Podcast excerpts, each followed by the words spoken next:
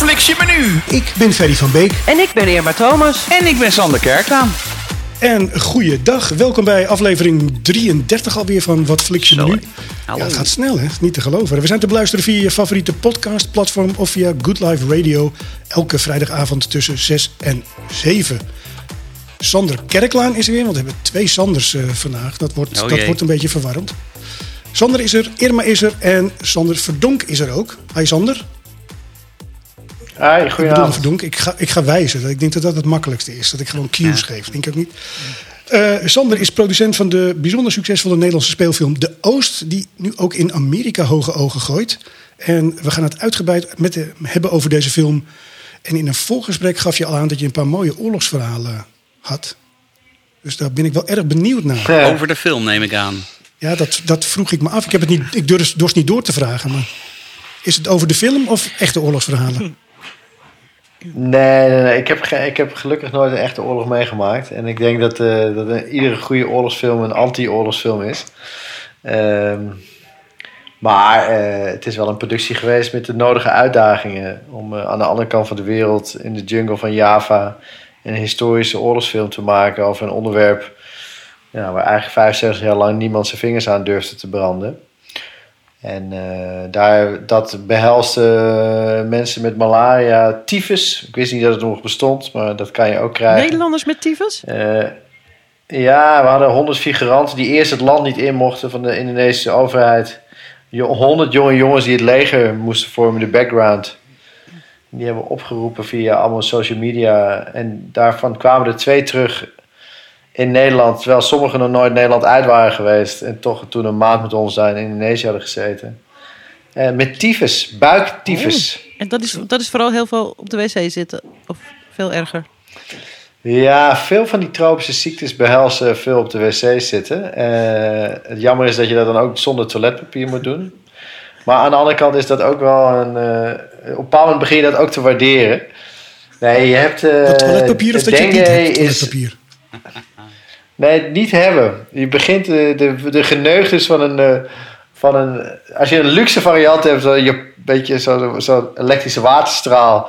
die dan zo, eh, eh, nou ja, op de juiste plek eh, weet schoon te maken. Als je pech had, eh, een bakje, bakje naast de pot.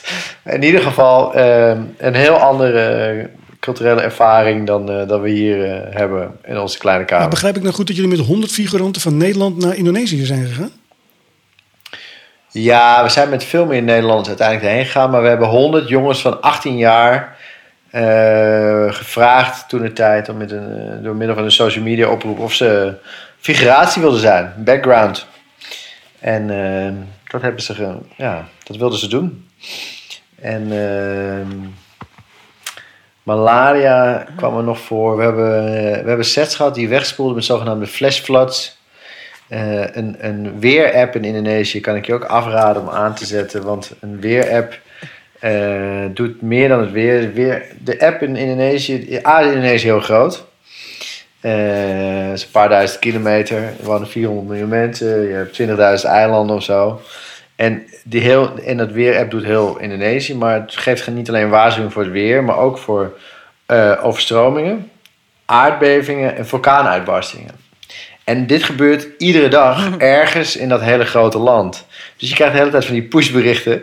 Dus je bent helemaal de, on your nerves, omdat gewoon de hele tijd iets gebeurt. En eh moezons, eh, alles. Maar dat, dat kan dan een paar Eh, duizend kilometer verderop zijn. Dus dan heb je er geen last van. Soms valt het mee en soms eh, zit je er middenin. Ja, we hebben twee keer eh, de scène, de rivierscène, de oversteekscène, zonder spoilers te geven, dat eh, maar in de patrouille de jongens oversteken. Eh, die hebben we drie keer opnieuw moeten doen. We zijn daar twee keer eh, weggespoeld. Met, het equipment en alles tegelijkertijd. ge- nog mazzel gehad dat er niemand bij gesneuveld is. En dan moest je zwemmend achter de camera's aan. Ja, dat lukt niet. Het is, ze noemen dat een flashflood. Dus hoog in de bergen komt er in één keer heel veel regen. Wij hadden daar geen ervaring mee als Nederlanders. Dus wij zeggen, dus dan wordt er eh, met eh, walkie-talkies gezegd eh, evacuate. En dan wij zeggen dan, mogen wij even deze scène afdraaien of dit shot. en, en dan flippen ze wel echt. En, zeggen ze, het zijn hele over het algemeen hele beleefde mensen. Maar nu waren ze heel directief. En, en dan met wat moeite trokken we nog net de camera met de data mee van die dag. En, maar ja, bij lange na niet geanticipeerd op die 2,5 meter soort hekgolf. Die in één keer zo die rivier doorkomt. En die echt eh, alles verslindt wat, eh, wat er in zijn weg staat. En ja, we hadden zo'n soort dorpje gebouwd. Nou ja, in de film is uiteindelijk alleen maar één hut nog. Nou, nadat die twee keer was weggespoeld, het dorpje, hebben we alleen nog de hut. Waar die jongen nou ja, geprobeerd wordt te redden. Um, dus ja, het waren wel bijzondere avonturen. En, en, maar tegelijkertijd, ja, wat ik, ja, oorlogsverhalen, jongensboekverhalen. Het is natuurlijk ook uh, heel bijzonder om het mee te mogen maken. Ben jij er helemaal ongeschonden vanaf gekomen? Uh, ja, ik heb er heel, ben er heel goed doorheen gekomen. Behalve misschien uh, wat uh, stressverschijnselen en grijze haren, maar... En natte voeten. Uh, natte voeten. Hoe lang ja. hebben jullie daar gezeten, nee, Sander, uiteindelijk met de crew? Ja, we hebben daar wel wat tegenslagen gehad. We, zouden in, we zijn begonnen met preproductie in juli 2018. we zouden 1 november 2018 beginnen met de opnames. Maar we kregen toen de, de, visa's niet rond voor onder andere de figuranten, maar ook niet voor de acteurs. Terwijl de heads of departments, de Nederlandse heads, waren er al wel. Alle sets waren al klaar, het legerkamp was al gebouwd. Dus dat stelden we steeds een week uit. Maar in de tweede week crashte toen die Lion Air vliegtuig. En toen bleek al vrij dat de man die verantwoordelijk was... Dus iedereen was een beetje nerveus over het invliegen van 200 jonge Nederlanders... die oorlogje gingen nabootsen. En, dus het lag een beetje gevoelig. En toen kwam, uh, bleek dat de hoogste bevelhebber van het Indonesische leger, een van de grootste landen ter wereld, persoonlijk de visa's moest aftekenen. En dat deed hij eigenlijk niet. En na drie weken hebben we dus de hele shoot moeten uitstellen, vier maanden. Uh, over de moesson heen. En toen hopen dat we wel weer uh, mochten beginnen. Zijn we uiteindelijk in februari 2019 begonnen.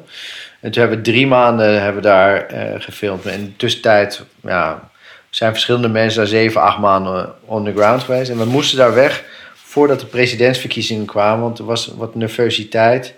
Omdat er misschien een burgeroorlog zou komen. Omdat er nog wel wat spanningen waren over met name de islamitische extremisten. Die aan de macht probeerden te komen. En er waren nog wel wat relletjes. En toen vonden ze het ook niet zo handig als er 250 Nederlanders in leger outfit uh, door de straten gingen rennen. Ja, dat is een valide punt, denk ik. En daarna hebben we nog uh, een paar keer uh, de productie op moeten starten voor de Nederlandse scènes. En de laatste keer dat we dat wilden doen was in maart 2020. En toen kwam de corona. En toen hebben we uiteindelijk pas in oktober 2020 uh, de laatste scènes kunnen draaien. Dus we zijn 2,5 jaar in productie geweest. En vijf keer opnieuw gestart. Mag ik vragen, ik wil even terug naar het begin wat je net zei van... Het is natuurlijk een film die gemaakt is over een onderwerp waar eigenlijk niemand zijn vingers aan durfde te branden. Uh, Moet je dat even uitleggen? Ja. Uh, nou ja, de uitbreng van de film toen hij al klaar was, was ook een reden voor mensen om een rechtszaak te beginnen. Om, in eerste instantie wilden ze hem graag tegenhouden. Dus doordat dat ingewikkeld, ingewikkeld werd, wilden ze graag een disclaimer hebben voor de film. Dat het eigenlijk allemaal maar verzonnen was. Wat helaas niet het geval was. En de rechter vond behalve dat ook dat, het, dat je gewoon altijd nog vrijheid van meningsuiting zou mogen hebben. Maar nee, ik denk dat er een uitdaging zit in het feit. Ik denk dat er niet heel veel landen een film maken over een oorlog die ze verloren hebben. Dus ongeacht uh, de positie van Nederland erin. Maar ik denk dat we heel lang niet hebben willen erkennen dat het een oorlog was. Uh, we hebben heel lang niet willen erkennen dat, er, uh, dat het niet zwart of wit is, dat er grijs tinten zijn, dat, het, dat mensen die goed willen doen soms ook dingen doen die fout zijn. Net zoals dat het ook heel lang duurde dat we een zwart boek kregen en dat we wisten dat niet alle Duitsers fout waren en niet alle verzetslieden goed waren. Weet je wel, dus dat er een nuance zat. Maar ja, tot, dat er zo lang geen uh, populaire culturele uitingen zijn geweest van deze zo cruciale periode in de Nederlandse geschiedenis, waar meer Nederlandse soldaten zijn gestorven dan in de hele Tweede Wereldoorlog. Uh, de grootste Nederlandse militaire operatie ooit, bijna 200.000 soldaten. Dat we daar zo weinig van weten en dat er zo weinig over verteld is. Die actieve doofput, doofpotcultuur, nou, die heeft mij wel verbaasd. En Uh, en daar hebben wij toch regelmatig zijn we daar wel tegen aangelopen dat er nog steeds mensen waren dat die deksel op die doofpot moest blijven. Ik moet je zeggen, ik heb de, ik heb de film gezien. Ik heb er ademloos naar, eh, naar zitten kijken. Er waren een aantal dingen uh, waarvan ik had. Ja, dit heb ik natuurlijk helemaal niet meegekregen in geschiedenislessen op school. Helemaal niet. Um, je weet dat het politionele acties waren, zoals dat uh, genoemd werd. Als je dan gaat kijken, jij zegt 200.000 soldaten die daar na de, vlak na de Tweede Wereldoorlog naartoe gegaan zijn. Ik had ook zoiets van: hoe kan een land wat zo kapot ligt, zo'n inzet uh, duizenden kilometers van huis zich überhaupt nog permitteren en daarmee bezig zijn. Uh, en zelfs uh, Indonesische vrienden van mij, die zaten ook te kijken van, ja, wij, wij wisten ook heel veel hier niet over. Dus er is gewoon heel veel niet bekend. Ja. ja, ik denk dat Indonesië wel iets meer bekend is, want het is natuurlijk de, de Bird of a Nation. Hun, hun onafhankelijkheid is daar gewonnen. En uh, in Nederland, uh, ja, ik denk dat uiteindelijk is het natuurlijk, Operatie Product was de eerste militaire operatie. Nou, veel letterlijker kan je het niet krijgen.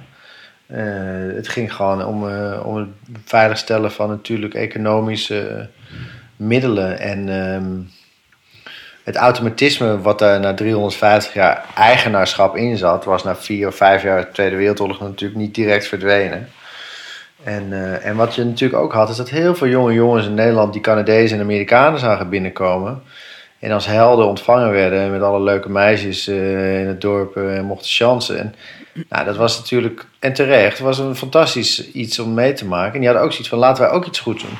En de eerste 80.000 vrijwilligers gingen ook erheen omdat ze dachten dat ze de, de Japanners wel even zouden verslaan. En op de boot naar Indonesië viel de bom op Hiroshima.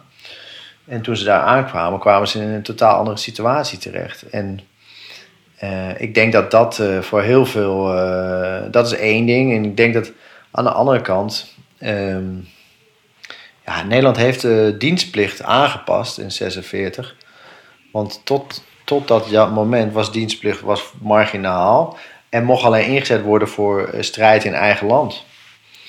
Dus niet overzees. Dus er, werd, er is een wetswijziging geweest, waardoor ze dus op een bepaald moment. Uh, ja, want op een bepaald moment hadden, wilden mensen niet meer. En toen, ook toen al waren er ook al wel vragen, minder breed uitgemeten. En uh, ook wel wat gedachten van, moet het nou wel? Ik bedoel, Multatuli schreef er al over.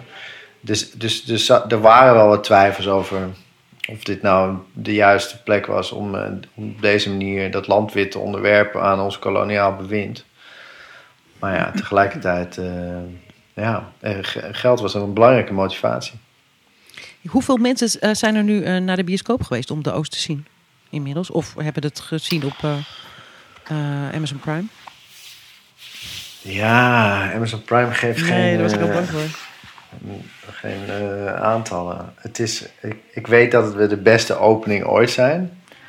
En dus dat geeft de burger moed dat we Eddie Murphy en Borat hebben mogen verslaan. oh, maar die Eddie Murphy film was ook wel heel erg slecht. Ja, maar toch. toch, is toch leuk, toch een grote naam. Ja. toch een bekender iemand dan uh, Martijn Lakenmeijer. En uh, nee, ja, kijk, we zijn heel blij geweest. Het was niet van tevoren een keuze om direct uh, met Amazon in zee te gaan. Wij hadden op een bepaald moment zoveel tegenslagen bioscopen waren dicht, konden de opnames niet afmaken. Uh, waar verschillende mensen met. Wij zaten gewoon wel echt in een moeilijke situatie. En zij hebben zich wel echt over, om die film ontfer, ontfermd. En boden ook meteen de mogelijkheid aan om, oké, op het platform. Maar wij zeiden, ja, we hebben, we hebben een film gemaakt voor de bioscoop. Hoe, hoe fijn het ook is dat we bij jullie terecht kunnen. Toen zeiden nou, dan doen we day and date. Wat ook al een beetje controversieel is. Dus dat je tegelijkertijd in de bioscoop en op het platform uitgaat. Alleen die bioscopen bleven dicht. En nadat we twee keer de release datum weer hadden uitgesteld, toen hebben we toch een bepaald moment heeft Amazon, Amazon gezegd, nou dan gaan we. En wij hoopten echt, weet je, het leek echt dat die bioscopen open zouden gaan. En ja, uiteindelijk is het drie weken later geweest. Uh, en ben ik heel blij dat mensen die wilden alsnog de film ook in de bioscoop konden zien. Maar ik moet ook heel eerlijk zijn dat uh, de impact van een partij als Amazon en de marketing uh, effort die ze erachter stoppen. Weet je, hoe vaak rijden er nou trams door een stad met je film erop? En het was misschien ook wel voor de eerste keer dat, dat de slager op de hoek mijn film kende. Terwijl die 15 films ervoor had hij er nooit van gehoord. Hij zei zelfs letterlijk: De Oost. Ja, man. Ja, ja, mooie film. Van die oorlog had ik nog nooit gehoord, maar die film wel.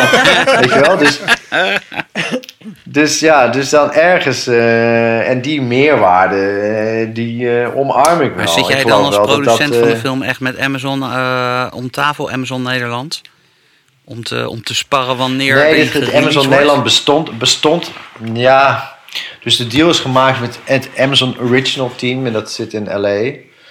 Uh, en Amazon is extreem corporate. Dus je hebt een, uh, een marketingafdeling in Londen en een finance afdeling in Duitsland. En, en de afdeling in, Nederland was eigenlijk, was nog, bestond nog niet. Ze waren net wel, we hadden wel het platform, maar er waren nog geen mensen hier aan het werk. Dat is nu wel snel aan het veranderen. Um, ja, je probeert ze duidelijk. Ja, je probeert een ideaal moment te vinden. Uh, je denkt dat je de lokale situatie beter kent en je probeert zoveel mogelijk advies te geven.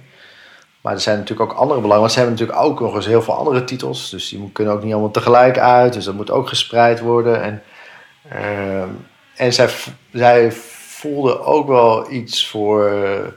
27 april was ook een datum. Toen, toen, hebben we daar wel een gesprek over gehad. En een week later is 5 mei. Dat zijn natuurlijk best Koningsdag en Bevrijdingsdag. Dat zijn best wel controversiële data. En op zich waren ze niet bang voor een beetje controverse. Maar dat was misschien wel uh, iets te extreem. En ik ben ook blij dat we uiteindelijk net daar overheen zijn gegaan. Ik, bedoel, ik denk dat we al te, genoeg gevoeligheden hebben aangeraakt. En, uh, en dat die op, nu uiteindelijk op een goede manier... Uh, zijn plek heeft. Ja, ben je helemaal tevreden? En, en, ja.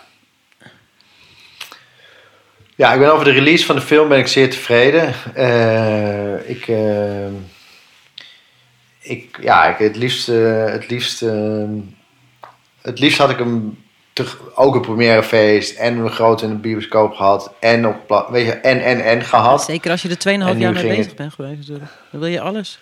Ja, dat was alleen maar de productie, dus we zijn er nog veel langer mee bezig. Nee, maar um, ja, ik ben, een, ik, ben, ik ben heel happy met. De, waar ik eigenlijk het meest blij mee ben, is denk ik het feit dat. Uh, we werden natuurlijk heel veel gebest en gecanceld door veteranen.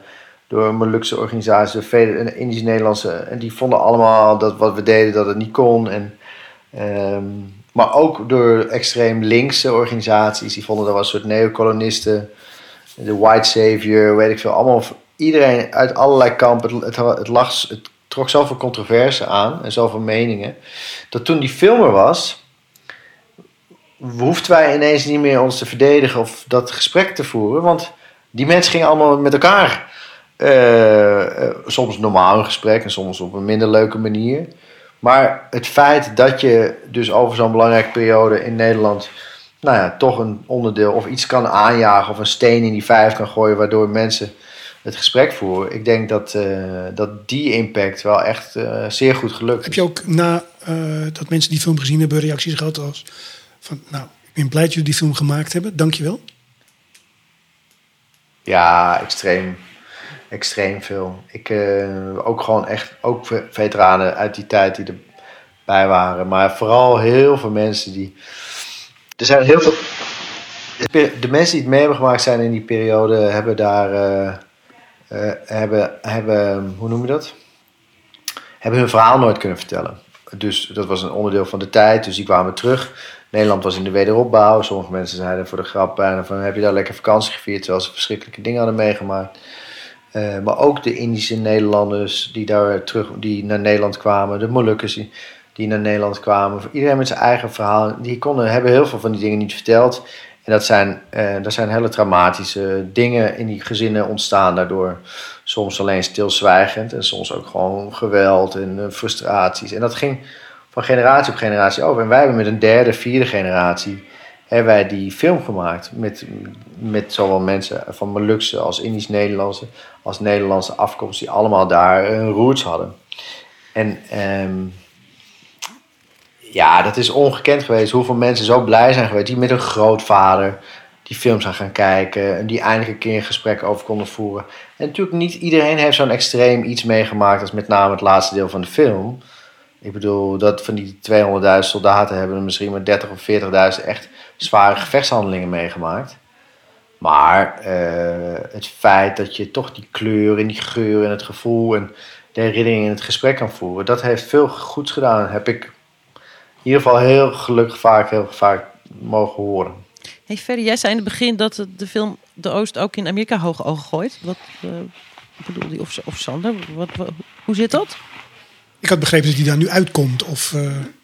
Ja, hij is, hij, is twee, hij is dit weekend in Duitsland uitgegaan. Hij is vorig, of twee weken geleden in Amerika uitgegaan. En in Amerika is hij, uh, wordt hij ook op uh, DVD en Blu-ray uitgegeven. Daar ben ik zelf ook blij om dat, hij dat, dat, dat ook nog iemand het doet. Uh, door Magnolia Pictures, wat gewoon echt een zeer, nou echt wel een bijzondere distributeur is. Daar ben ik heel blij mee. Ehm, en daar is hij ook in de bioscoop uitgegaan. En weliswaar maar een paar bioscopen van de Nederlandstalige film. Dat is zeer beperkt. Dat is alleen in de grote steden aan de buitenkanten. Maar eh, dat was wel een soort bucketlist als filmmaker om een keer je film daar te hebben. En, um, en in Indonesië is hij drie weken geleden uitgegaan, wat voor ons eigenlijk nog wel een van de meest spannende momenten was. Uh, ook met hele goede reacties. Dus heeft die eerste twee weken was hij de, trending en uh, op nummer 1 uh, op de, het streamingplatform daar. Geen bioscoop release helaas. Ehm, daar. En hij moet nog in 25 landen weten we nu al zeker dat hij uitgaat. Dus hij gaat 4 oktober in Engeland uit. En hij moet nog in Frankrijk uit. En, Zo. Nou ja, het feit dat die film op zo'n manier uh, de wereld overgaat, is gewoon heel bijzonder. Heel veel films die we vroeger, die ik voorheen maakte, die kwamen wel eens op een festival of zo. Maar die kwamen niet zo snel in de lokale bioscoop of zoiets. Hè. Dat is, het is heel, het is uitzonderlijk stiekem wel dat je dat, dat, dat lukt. En uh, nou ja, daar word je wel blij van. En dan uh, synchroniseren ze daarna of ondertitelen ze? Nee, ze ondertitelen. Oké. Okay. Duitsland ja, ook? Dat is ook... Duitsland niet. Nee, nee okay. Duitsland niet. Dat nee. is de... Duitsland kun je... Duitsland heb je namelijk ook de optie om het wel in de oorspronkelijke taal te kijken. Maar Duitsland zou... Uh, is pas nu uitgegaan omdat die dub zo ontzettend lang duurt. Um, dus de acteurs die uh, de, het naam moeten spreken of inspreken. En het is op Amazon Duitsland uitgegaan. Uh, heeft, hij, heeft hij toch heel goed gedaan. Maar ik, weet, ik heb geen cijfers over hoeveel mensen dan oorspronkelijke taal of de Duitse taal. door de streamers moet ik toch heel eerlijk zijn, is de taalbarrière ja. wel een beetje ja. beslecht. Ja, maar hoe weet jij Spaans dat het in Duitsland goed gegaan is dan? Omdat nou, die, die, die input kreeg ik wel uh, gisteren van uh, Amazon. Dus die, dus die uh, geven wel aan van oké, okay, weet je, we halen de conversie. Ja, het is allemaal bijna productmatig. Hè? Dus zoveel procent van, van onze abonnees. En, maar ze, mogen, ja, ze geven gewoon geen nummers. Er staat een soort, soort ontslag in of op of een hm. soort van extreme straffen. Bij Netflix is het ook ingewikkeld. En als ze het doen, dan hebben ze ook hele andere redenen mee dan de filmmaker te informeren. Ja. Dit gaat wel veranderen. Hè? De Europese Unie die wil er natuurlijk ook wat mee. Want uiteindelijk uh, heeft het ook gewoon met rechtenafdracht te maken en opbrengsten. En uh, is het natuurlijk, nou ja... Ja. Hey, ook is dat de ik als filmmaker. dat ze er zo geheimzinnig over doen, Sander? Of dat, ze, ja, het is een dat je anders ziet dat het zo populair is dat je denkt van... hé, hey, ik moet de volgende keer meer geld vragen? Maar soms zeggen ze wel, nou, deze film is 60 miljoen keer uh, ingestart. Ja, ja. Bijvoorbeeld. Ja, dus het enige cijfer wat ik weet is dat ze dus uh, dat 70, in ieder geval Nederland 70% hem heeft uitgekeken. Dat, dat is dan een bemoedigend, uh, bemoedigend aantal, vind ik best voor zo'n film. Uh, maar de. Ja, die cijfers. Ik denk dat er twee redenen zijn. Ik denk inderdaad dat het zij meten natuurlijk meer hun omzet naar subscriptions dan naar het aantal views. Dus, uh, dus zij rekenen de waarde van zo'n subscription om naar hoeveel films moet iemand dan kijken. Of blijft die, of haakt iemand af. Of, dus zij rekenen op een andere manier. En daarnaast is er natuurlijk een soort extreme strijd gaande. en er komen alleen maar meer streamers bij. Maar die kunnen nooit allemaal bestaan. Dus op het moment, en iedereen is toch een beetje window dressing aan het doen. Ook Netflix, die, wat zal die nu, 800 miljard geleend hebben, of miljoen ge- belachelijke bedragen. Dat is allemaal geen eigen verdiend geld. Dat, en dat geld lenen ze natuurlijk voor zo laag mogelijke rentes. Dus die moeten natuurlijk ook een beetje. eh, ja, ze mogen niet te veel onzekerheid laten zien. En ik denk gewoon dat er echt heel veel titels zijn die helemaal niet zo goed bekeken worden. Op die paar uitzonderingen na. Ehm, en dan is het enige cijfer wat ze nu wel delen, ook omdat ze, beursgenot of, eh, omdat ze gewoon die beurs genoteerd zijn, is het aantal subscriptions. Ja. Dus i- dat is, dat- ik, ik, ik vind het ook een vervelende. Als filmmaker wil je meer weten. Dat is gewoon zo. Dat zou je heel graag willen. Good Life Radio. Ik ben Irma Thomas. Ik ben Sander Kerklaan. En ik ben Ferry van Beek. Samen zijn we de Stream Musketeers en maken we Wat Flix je menu? Het leukste programma over alle streaming. Wat fliks je menu? Met natuurlijk ook een BN'er. Een bekende Netflixer. Elke vrijdagavond tussen 6 en 7. Op Good Life Radio. Nu we het toch over eh, eh, verschillende streamingplatforms hebben. eh, je kijkt als consument na, na, daar natuurlijk ook naar, neem ik aan. Als consument met een gezonde beroepsdeformatie. Kijk eens aan. En waar kijk je dan naar, eh, Sander? Ja, ik eh, kijk wel naar meerdere platforms. Eh, ik maak ook documentaires. Ik heb een hele brede smaak. Ehm, dus ik heb heel recentelijk eh 25 jaar Foute Vrienden op NPO Start gekeken. Wat echt een, een aanrader is. Dat is een serie eh, van een fantastische Nederlandse eh, documentairemaker. Wiens naam ik even vergeten ben. Maar dat gaat over vier bloedgabbers, Amsterdamse penozen. Verbrande Herman, Roye, Ros, eh, Roye Jos, Dikke Bobby en Jantje van Amsterdam. En ja, ik kan het extreem aanraden. Dat is echt een van de meest bijzondere eh, portretten die ik gezien heb de afgelopen jaren. Eh, überhaupt op NPO Start staan qua documentaires een paar goede dingen. De kinderen van Reiner Wold vond ik ook bijzonder. Eh, van Jessica Valerius, die, eh, of Valerius, die, die kinderen die, eh, weet ik veel, zeven of acht jaar of langer met hun vader in een soort boerderij ergens in Drenthe opgesloten zaten. En, eh, en één voor één probeerde er af en toe één te ontsnappen. En zij heeft die vier kinderen daarvan uiteindelijk spreekt, maar vier beschermen die man nog. En het is een heel eng en bijna extreem verhaal, wat je bijna voor een fictieproject niet zou kunnen bedenken. Ehm, ik heb net weer, oh, het tweede seizoen, The End of the Fucking World op Netflix, wat heel erg leuk. Eh, ik kijk altijd heel graag eh, de oude Fox-filmpjes, VOX. Explained heet het nu bij Netflix. Dat de meest simpele dingen worden uitgelegd. Waarom, rode wijn, waarom dure rode wijn niet per se beter is. Of eh, nou ja, allemaal waarom een huidzalf eigenlijk niet werkt. En, eh, eh, The Night Manager bij Amazon Prime. Echt een fantastische Ja, is thriller. Ja, vind ik echt een fijne serie. Ik heb zitten kijken waar ik legaal Gangs of London ehm, kan kijken in Nederland. Dat was bij Sky in Engeland. Maar dat kan je hier volgens mij helemaal niet ontvangen. Dus alleen via een VPN en dan een Engelse subscription. Maar ehm, Gangs of London is, is de showrunner daarvan is Garrett Evans. En Garrett Evans heeft The Raid 1 en 2 gemaakt. En ik weet niet of jullie die ooit gezien hebben. Maar Ja. de- dat is de één- één op één inspiratie natuurlijk voor John Wick. En de helft van die, van die gasten die zitten ook in al die John Wick films.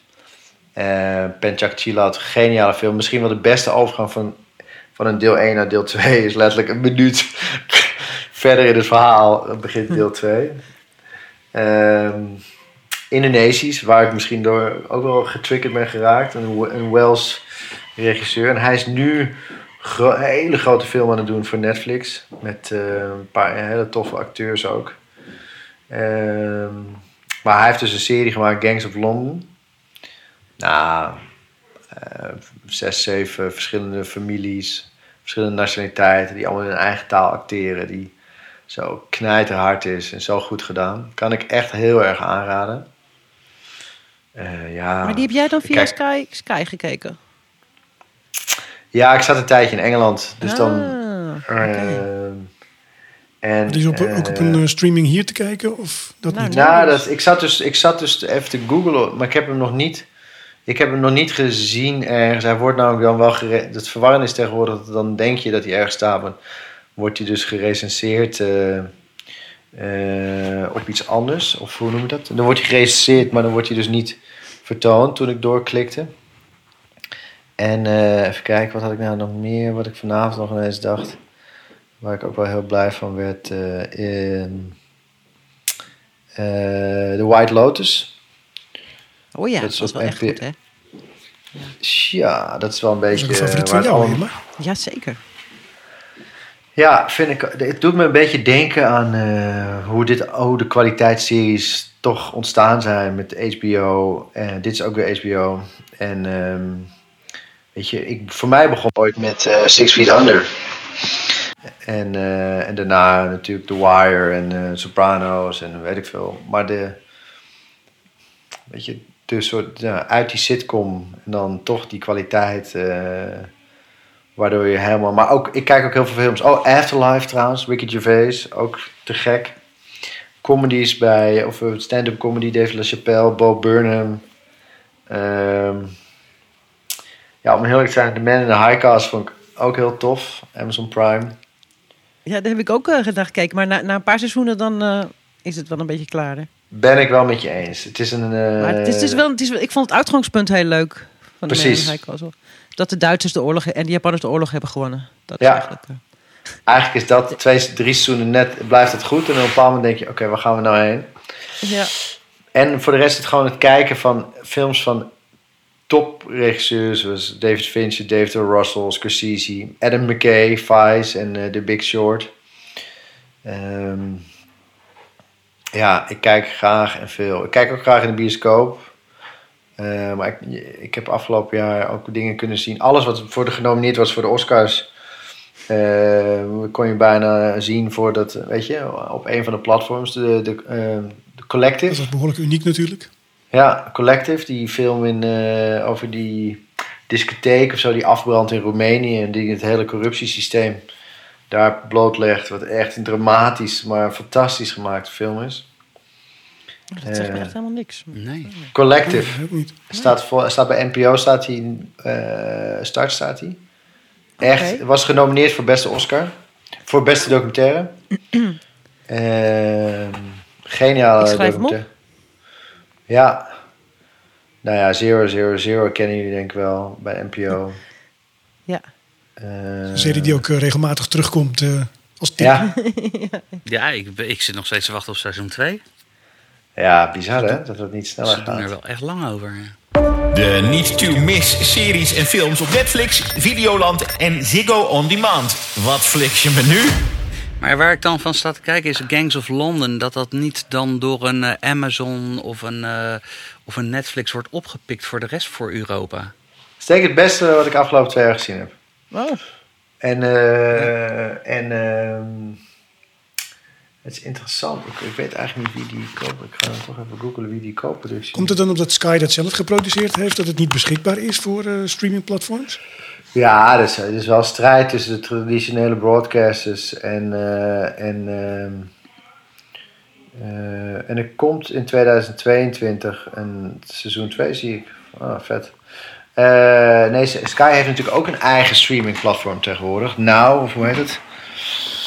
Dus al die, eh, al die partijen proberen allemaal een stukje. Die, de- ja, waar win je? Net als Videoland. Zonder Mokkenmafia was Videoland ook op dood geweest, weet je? Dus Ja. eh, iedereen zoekt natuurlijk iets. Je kan hem wel kijken, zie ik trouwens, op Stars. Maar dan moet je weer, eh, weer een abonnementje nemen. Dat is de Oh, echt stream waar? Stars met, eh, met een Z op Binnen, het eind. Dat Ja. zit binnen Disney, toch? Nee, ja, binnen nooit- Amazon. Binnen Amazon kan je weer een extra. Oh, dat zit in de Amazon. En jij hebt Oh, ja? connecties eh, bij Amazon, dus dat moet Ja, maar dat, dat grappige is dat dus die mensen echt... Dat is... De, geloof me. Eh, je krijgt... eh, dat zijn echt eh, Chinese walls of zo. Dus ik heb er ook wel eens gezegd... Kan ik niet even een linkje krijgen? of zoiets. Of in ieder geval een gratis abonnementje. Ze, ze zitten in je glazen raam te kijken van waar heb jij het over dan? Ja, ik had Oh, meteen gevraagd het, met ja, Jeff mee mocht met zijn eerste, met zijn eerste ruimtevlucht. Maar ik bedoel, jij wil gewoon een linkje hebben. Ja, dat nee, kan zeker. niet. Ja, er was wel een Nederlander mee, hè?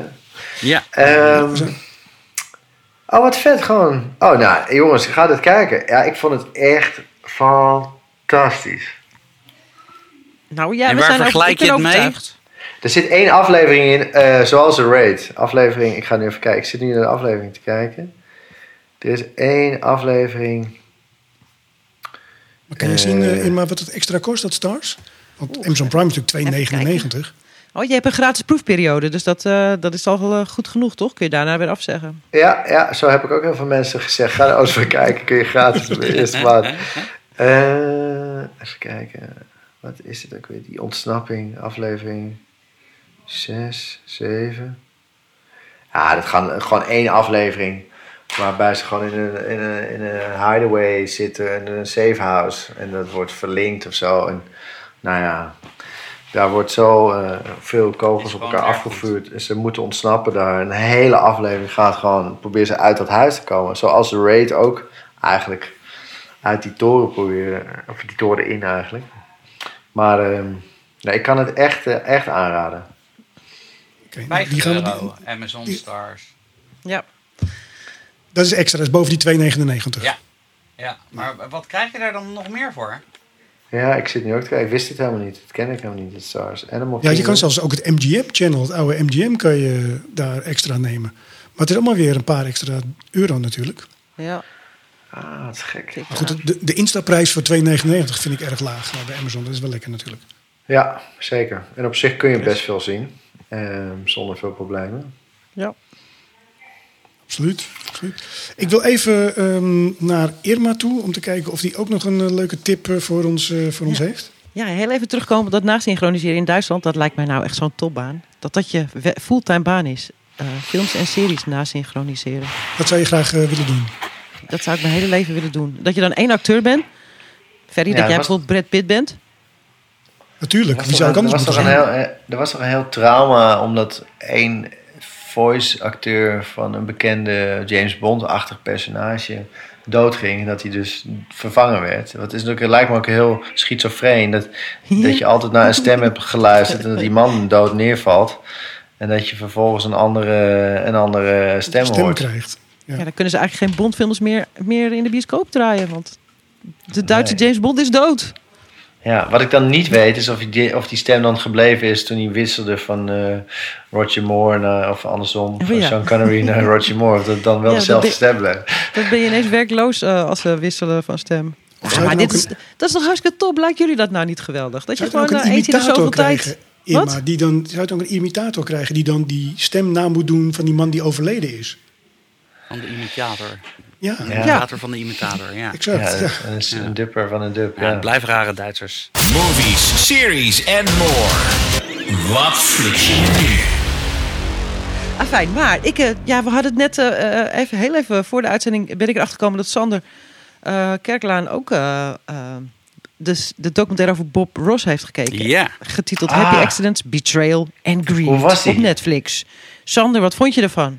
Ja, ik vond het fantastisch. Sowieso is het een, eh, een held van mij uit, mijn- uit mijn jeugd. Je zat altijd, eh, het is gewoon natuurlijk een cultstatus geworden. En eh, ja, ik zat vroeger tijdens mijn studietijd stoned op de bank met vrienden al naar eh, Happy Little Trees te kijken.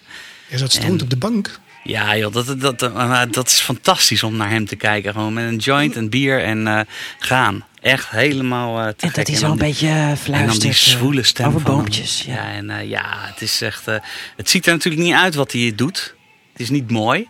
En soms eh, ze, ze, ze zijn het weer aan het herhalen op. eh, ja, op zo'n ho hoge. Even kijken. Omroep Max. Nee, nummertje 25, 26 bij Ziggo. Nou ja, Discovery of in ieder geval zo'n lifestyle eh, kanaal. Ja, maar je kon het om drie uur s'nachts aanzetten als je thuis Ja. kwam op het uitgaan. Nog even Fantastisch. uit, uitzonen. Ja, dat is heerlijk. Ik, vond, ik hij- vind het ook nog steeds leuk om naar te kijken. Gewoon dat, dat hij gewoon iets doet. En dan denk je echt van, nou, dat, dat ziet er... Kijk nou toch eens. Ja, en ik heb een keer voor mijn werk zo'n cursus eh, of zo'n zo'n schilderij moeten maken. Nou ja, moeten mogen maken. Was Nou, niet ik, te doen zeker. ik ben de, de, de slechtste tekenaar schilder eh, aller tijden. En mijn schilderij was fantastisch. Dus het is echt een wonder. Ja, het was echt huge in Amerika. Als je die documentaire ook ziet, joh. Dat is echt een... Nou ja, de hele cursussen, ze gingen het hele land door en dergelijke. Maar er zit ook wel iets tragisch, toch? Als, ik, ik Ja, heb hem nog niet gezien, maar... Ja, Een goede film heeft ook een randje, toch? geeft het ja, wel een beetje weg. De subtekst, Ja, eh, ja. Ze hebben zijn naam afgepakt, een paar geldwolven eh, geheten. Hoe heet ze ook weer? Annette en Ko- Walter. Kowalski. Ja. Die, Ja, die oké, hebben hem groot gemaakt, maar ze hebben, daarna hebben ze hem ook, eh, nadat hij overleden was, hebben ze ook ze, ze- ja, zijn naam gebruikt. En op zijn sterfbed wilden ze nog hè, hem laten Ja. tekenen dat hij zijn naam weggaf.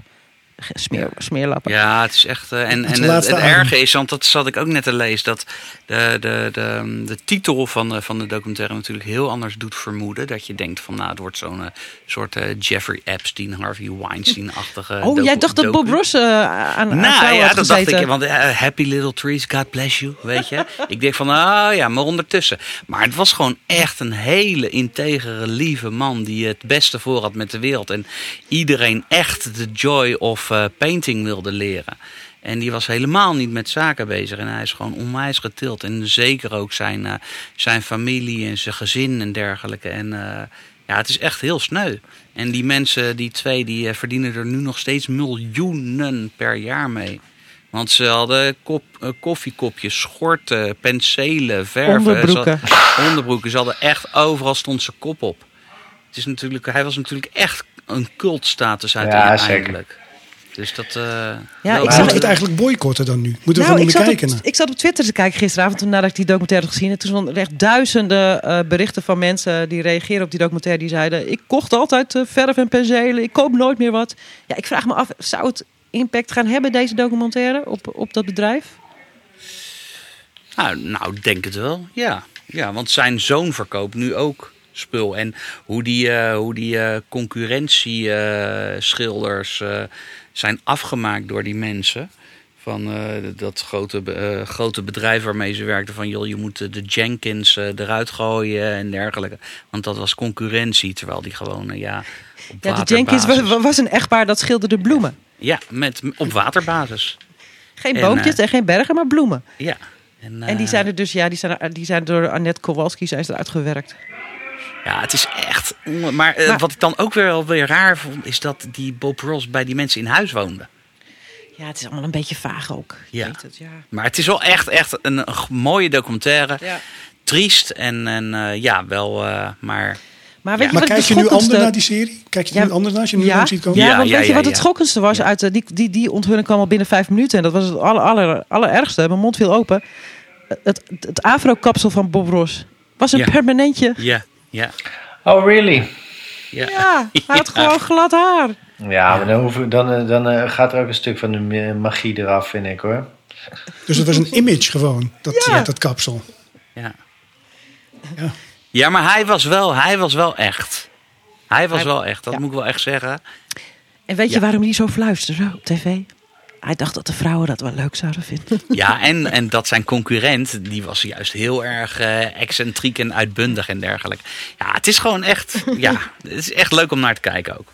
Ja, Oké, Enfin, dus het ja. kapsel was fake, het fluisteren deed hij om, om op te vallen. Eigenlijk was het gewoon een enorm marketingproduct al. nee, het is kunst. En over kunst, over smaak? Nee, het is leuk. Kijk het gewoon. Ja, Bob Ja, Ross Rules. De beste streamingtips krijg je van Wat Flixje Menu en Guiding. Ik heb ook de, de Noorse serie Postmortem Ingendor Pas Karnes gekeken. Zo, verpaalt zich, keertje. vertaalt zich een beetje als eh, postmortem. eh, niemand gaat ooit dood in, in, in Skarnest. Dat is een klein plaatsje in Noorwegen. En dat is een hele leuke zwarte comedy over vampieren. Ik weet dat jullie niet zo gek zijn op vampieren, toch? Nee, Emma. Nee, hè? Maar Ja, de- dit is de- een ander de- soort. ze- De Let the Right One In was al redelijk geniaal. Was ook Noors, toch? Ja, die was heel goed. Zweeds. Ja. Nou, zie je, dat kunnen Scandinaviërs. Die kunnen goede Ja. vampieren dingen maken. En dit is er een uit Noorwegen, die kunnen dat ook. Het is, eh, eh, nou ja, wat ik zeg, een zwarte comedy. Je, de, ze krijgen ook niet, eh, de vampieren krijgen ook niet van die hoektanden en zo. Het is, eh afijn. Het is wel af en toe heel bloederig, maar meestal gewoon heel leuk. Het gaat over een, een eh, familie in het kleine dorpje Skarnes, waar iedereen elkaar kent. Iedereen weet alles van elkaar. En eh, de, de vader en broer, eh, de vader en zoon des van de familie hebben een begrafenisonderneming. Maar zoals de titel al zegt, er gaat nooit iemand dood in Skarners. Dus eh, ze gaan bijna failliet. Tot op een dag het goede nieuws komt dat er een lijk is gevonden. En nou, die broer heel blij. Totdat blijkt dat, dat het zijn eigen zus is. Maar die zus die komt erbij op de aut- autopsietafel als een, als een, als ze een mes in de eh, eh, borst steken. En dan eh, bleek dat ze helemaal niet dood was. Dus dat, is hartstikke mooi. Maar dan is ze een vampier geworden. En, en dan gaat ze een beetje, nou niet helemaal, maar toch haar beetje haar broer helpen om de begrafenisonderneming weer, eh, Op poten te zetten, zeg maar. ja, om de schoorsteen Te laten te roken. laten roken. en het is echt een hele leuke serie. Zes, af- zes afleveringen van ehm, drie kwartier, geloof ik. Er valt wat te lachen. Af en toe is het een beetje spannend. Het is ook nog een Who Done It. Nou, ik raad hem van harte aan op Netflix. En dat is op net. En kan je nog één keer de titel, want je hebt het zo fantastisch gedaan, die titel. Postmortem Ingen der Paas Carnes. Die pause. Ja, dat doe je heel goed. Ja, dat Ja, is goed, hè? Ja. Knap, ja. Ik zoek gewoon een postmortem, dan komt hij ook van tevoren, Ja. denk ik. eh, en de ik denk, search. ik, ik ken geen, verder geen Noren. Kennen jullie Noren? Alleen die jongen die voeten doet, hè, met schaatsen. Want ik denk dus dat zij een beetje dezelfde humor hebben als wij. Ze hadden leuk, ook al een hele leuke kerstserie, Home for Christmas. Was ook wel grappig. Ik denk, nou, met Noren kunnen wij vast goede vrienden worden. En lachen. Ik, ik heb geen idee. Ik, ik zit even te denken, maar ik heb helemaal geen Noorse kennissen of vrienden. Biertje erbij. Maar was het dijenkletsen? Of, eh, daar hebben we het de vorige keer al over gehad. Nee, het was geen dijkles. Nee, hè? Nee, oké. Nou, Nou, dan heb ik ook nog een leuke tip voor jullie op Amazon Prime. Eh, dat is de serie Startup. En dat was voor mij eigenlijk een serie die eh, redelijk onder de radar was gebleven. Want die heeft al drie seizoenen gelopen van 2016 tot 2018. En dat deed me eigenlijk denken aan een andere serie over de IT-industrie. Dat heet Hold and Catch Fire. Kennen jullie die toevallig? Die heeft op AMC Nee. gedraaid. Was ook een geweldige serie. Is ook eentje die ik nergens kan vinden op de streamings. Erg jammer. Eh, maar goed, Startup gaat over de mooie en de briljante Issy Morales. Zij is van Cubaanse afkomst en heeft Gencoin ontwikkeld. Dat is een cryptocurrency. Het zal ja. wel aan mij liggen, maar vrouwen in IT en cryptocurrency, dat vind ik altijd een hele lekkere combinatie, zeg maar. Eh, ze zoekt investeerders daarvoor. En ze gaat bij de grote venture capitalist gaat ze langs, maar ze krijgt nergens eh, geld los. Maar ze ontmoet bij een van die eh, bezoeken ontmoet ze Nick Talman. En die blijkt privé best wel geïnteresseerd te zijn om te investeren in dat Gencoin. En toeval bestaat natuurlijk niet, maar die heeft een vader die eh, adviseert mensen wat ze met geld moeten doen. En die overhandigt hem 2,2 miljoen van zoon, doe hier iets nuttigs mee. Nou blijkt alleen dat die 2,2 miljoen afkomstig is van hele dubieuze partijen. Waaronder ook eh, de Haitiaanse maffia in Miami, want daar speelt het zich af. En dat geeft natuurlijk allerlei complicaties bij die investering. Want op een gegeven moment willen die partijen het geld ook terug, maar dat is er natuurlijk niet meer. Dus je verwacht dat het een hele clichématige serie is over een start-up die geld nodig heeft en begint. Eh, maar het is een verwikkeling met eh, onderwereld in, eh, in Miami. Er is natuurlijk weer een, een hele dubieuze FBI-agent die zo corrupt is als ik weet niet wat. Het is heerlijk om naar te kijken, de film of de serie Startup op Amazon Prime. Ja, het is wel gek, want ik heb hem op Netflix gezien. En ik zit net te checken en daar staat hij ook op. Hij staat op beide eh, streaming services. Ja, Nou, dat is, dat is redelijk uniek, toch? ja, toch? Meestal gaat hij dan bij de een weg, komt hij bij de ander. Ah, Martin Freeman zit er ook in, hè? die vind ik altijd heel leuk. Ja. Die speelt van die, eh, Fargo. Ja. die FBI-agent. Ja. Het is van, echt een eh, leuke serie. Maar het, wordt, elk seizoen wordt het bizarder. Eh, want uiteindelijk zijn ze natuurlijk op een hele slechte manier begonnen met dat geld. En daar komen ze nooit meer vanaf.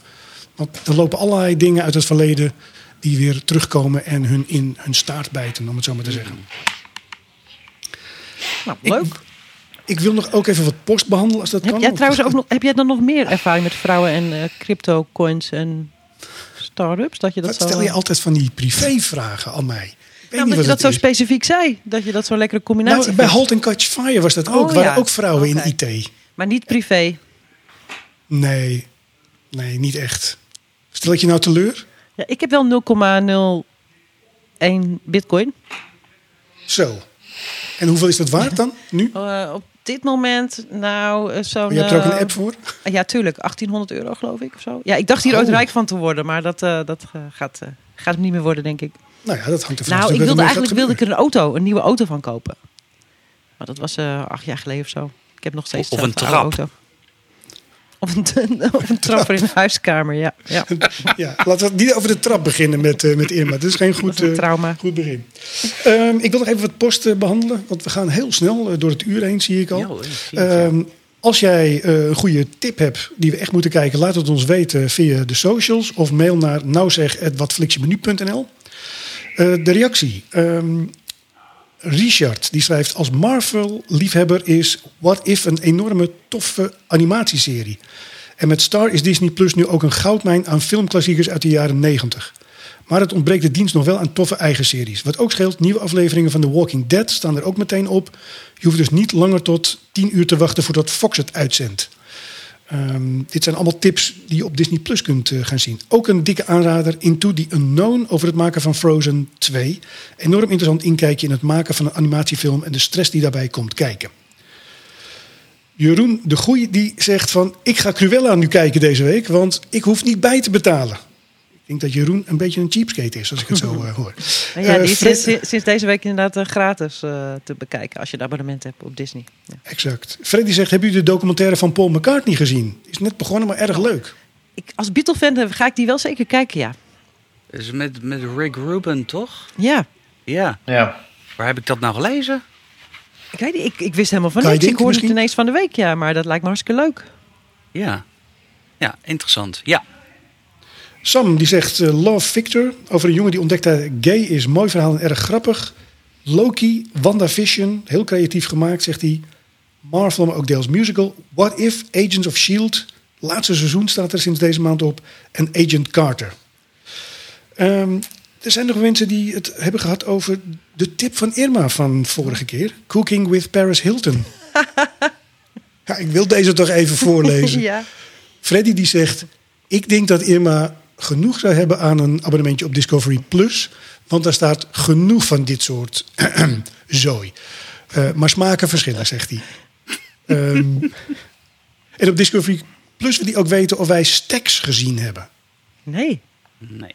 zeg me niet. Oké, nou, Stacks, is dat een serie? Of, eh, dat is een serie. Ja, die is de moeite waard, zegt hij. Oké. Ehm, je had vorige keer ook een tip: Grace en Frankie.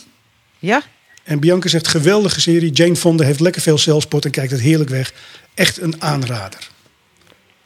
Dus nou, dat is toch hartstikke leuk dat mensen. helemaal gelijk. Dat mensen het soms ook eens met me eens zijn. Ja, exact, ja, dat is toch heel goed. Ik heb het ook nog gekeken van ook leuk. En ik vind het ook jammer dat ze niet meteen het hele seizoen erop Ja, dan moet je echt tot 2022 wachten. Eigenlijk is het belachelijk dat je een serie zo in tweeën knipt. Ik hoop dat Jane nog leeft tegen die tijd. Ja, dat zal je net zien. Ja, dat ze allemaal het loodje leggen. Ja, dat is met, die, met die serie is dat geen, geen kleine kans. Want Nee. iedereen is op leeftijd. Ja. Sander, heb jij nog wat anders gezien? Eh, ja, nou van Armoe. eh, wij zaten in Handmaid's Tale, seizoen 3. Erg goed. En eh, toen vielen we in een gat. En toen hoorde ik dus vorige week, volgens mij van Irma, dat het op Videoland was. En Videoland heeft mij nooit getrokken. Maar uit Armoe ben ik dan maar lid geworden. en eh er staat inderdaad eh, seizoen 4, maar vijf afleveringen. Dus we moeten dadelijk nog gaan wachten ook. Maar eh, voor de rest heb ik er een beetje doorheen zitten, zitten scumen. Door al- het repertoire wat ze daar hebben. Werd ik mm, nou niet heel erg... ja, het is niet, niet my cup of tea. Maar wat ik wel leuk vond was... en dat kijk ik eigenlijk nooit hoor, zulke soort programma's. Maar John van de Heuvel heeft een soort... ja, meerdere afleveringen... eh, over de, ja, over de totstandkoming van de mokromafia en dergelijke eh, gemaakt. En daar zit ik wel eh, echt met, ja, dat is ik wel naar te kijken nu. Dat vind ik wel echt wel, goed. En dan wordt het gewoon helemaal uitgelegd hoe het allemaal begonnen is en tot waar we nu eigenlijk zijn. Meerdere afleveringen met die twee andere eh, eh, crime eh, eh, journalisten. En dat vind ik wel interessant. En voor de rest staat, ja, heb ik nog niet echt veel bekeken van hun aanbod. Dus ik moet er nog even wat verder in. En Ja. ondertussen zitten we gewoon het stil te kijken. Seizoen Maar die, is, eh, die, die staat er helemaal op hoor, Sander. Dus je kan gewoon doorkijken. Nee, maar vijf afleveringen volgens mij. Nee joh, ik heb hem al helemaal afgezien op Videoland.